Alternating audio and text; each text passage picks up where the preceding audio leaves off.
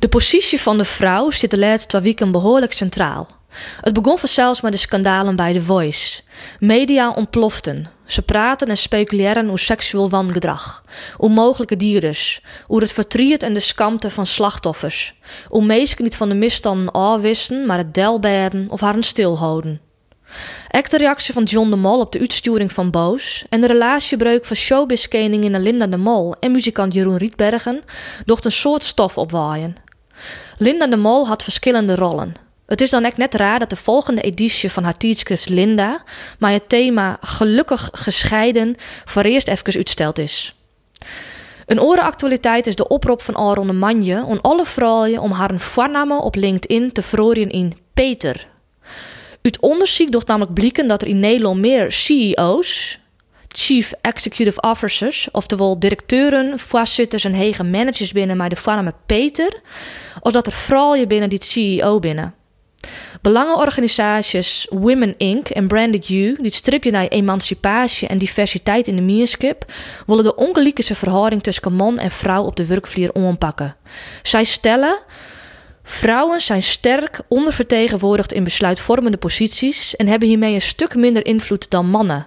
Daarom roepen we alle vrouwen op om in de week van 24 tot 28 januari hun naam in Peter te veranderen op LinkedIn.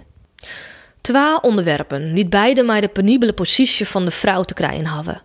Thema's mij els haar een eigen uitdagings, maar die tek verbonden mij naar horen om de machtsverhouding tussen man en vrouw op het werk troglutsen worden en seksueel wangedrag. Beide moeten absoluut ompakt worden.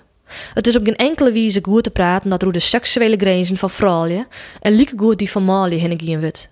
En het is onbegrijpelijk dat vrouwen in West-Europa anno 2022 zo'n 30% minder betalen krijgen voor hetzelfde werk. En dat zij nog altijd voor een grutpad opdraaien voor het huishouden en zwargje voor de baan. De hele meerskip mat mij deze thema's on het werk. Maar hoe zette je eens verrorings op het gebied van vrouwen-emancipatie in gang?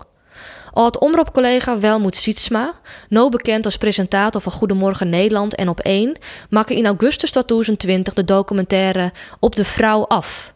Precies 50 jaar na de protesten van de feministische actiegroep De Dolomina's in Jochentje Santig.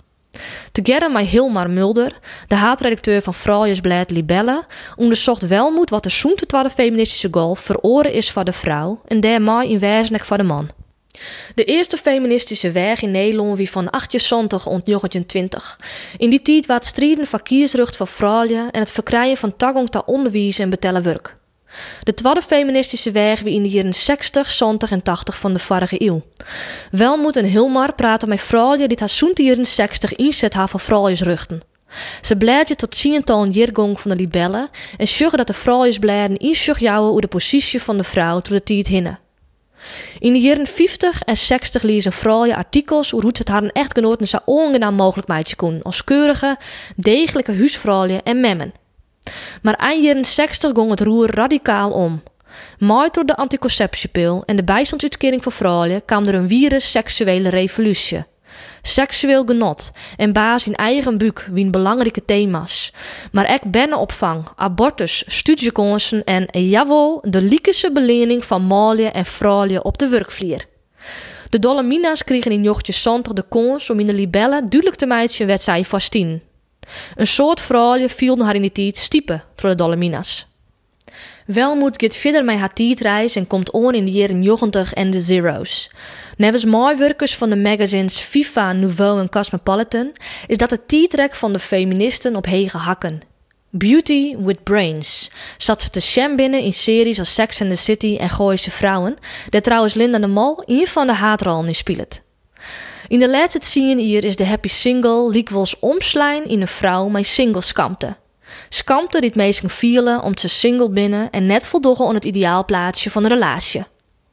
Het docht maar blikken dat elk decennium zijn eigen uitdagings en thema's had. Al weet ik zeker dat seksueel wangedrag van alle tijden is.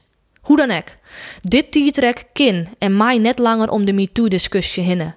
Grensoverskrijdend seksueel gedrag en lieke goed de ongelijke positie van malen en vrouwen op de werkvlier mat heeg op de agenda komen. Vrouwenstijdschriften, Likos de Linda, kunnen daar een grote rol in spelen en mooi werkje on een tredde feministische weg. En daarom hoop ik oprecht dat Linda de Mol haar eigen magazine broekt om wijdwijdig omting te gaan om deze thema's. Ik kan me zich voorstellen dat zij op dit stuit vol verdriet en verslijn op de bank zit om haar eigen persoonlijke malaise. Maar misschien kan zij haar magazine dan de komende editie uitbrengen onder de naam Peter.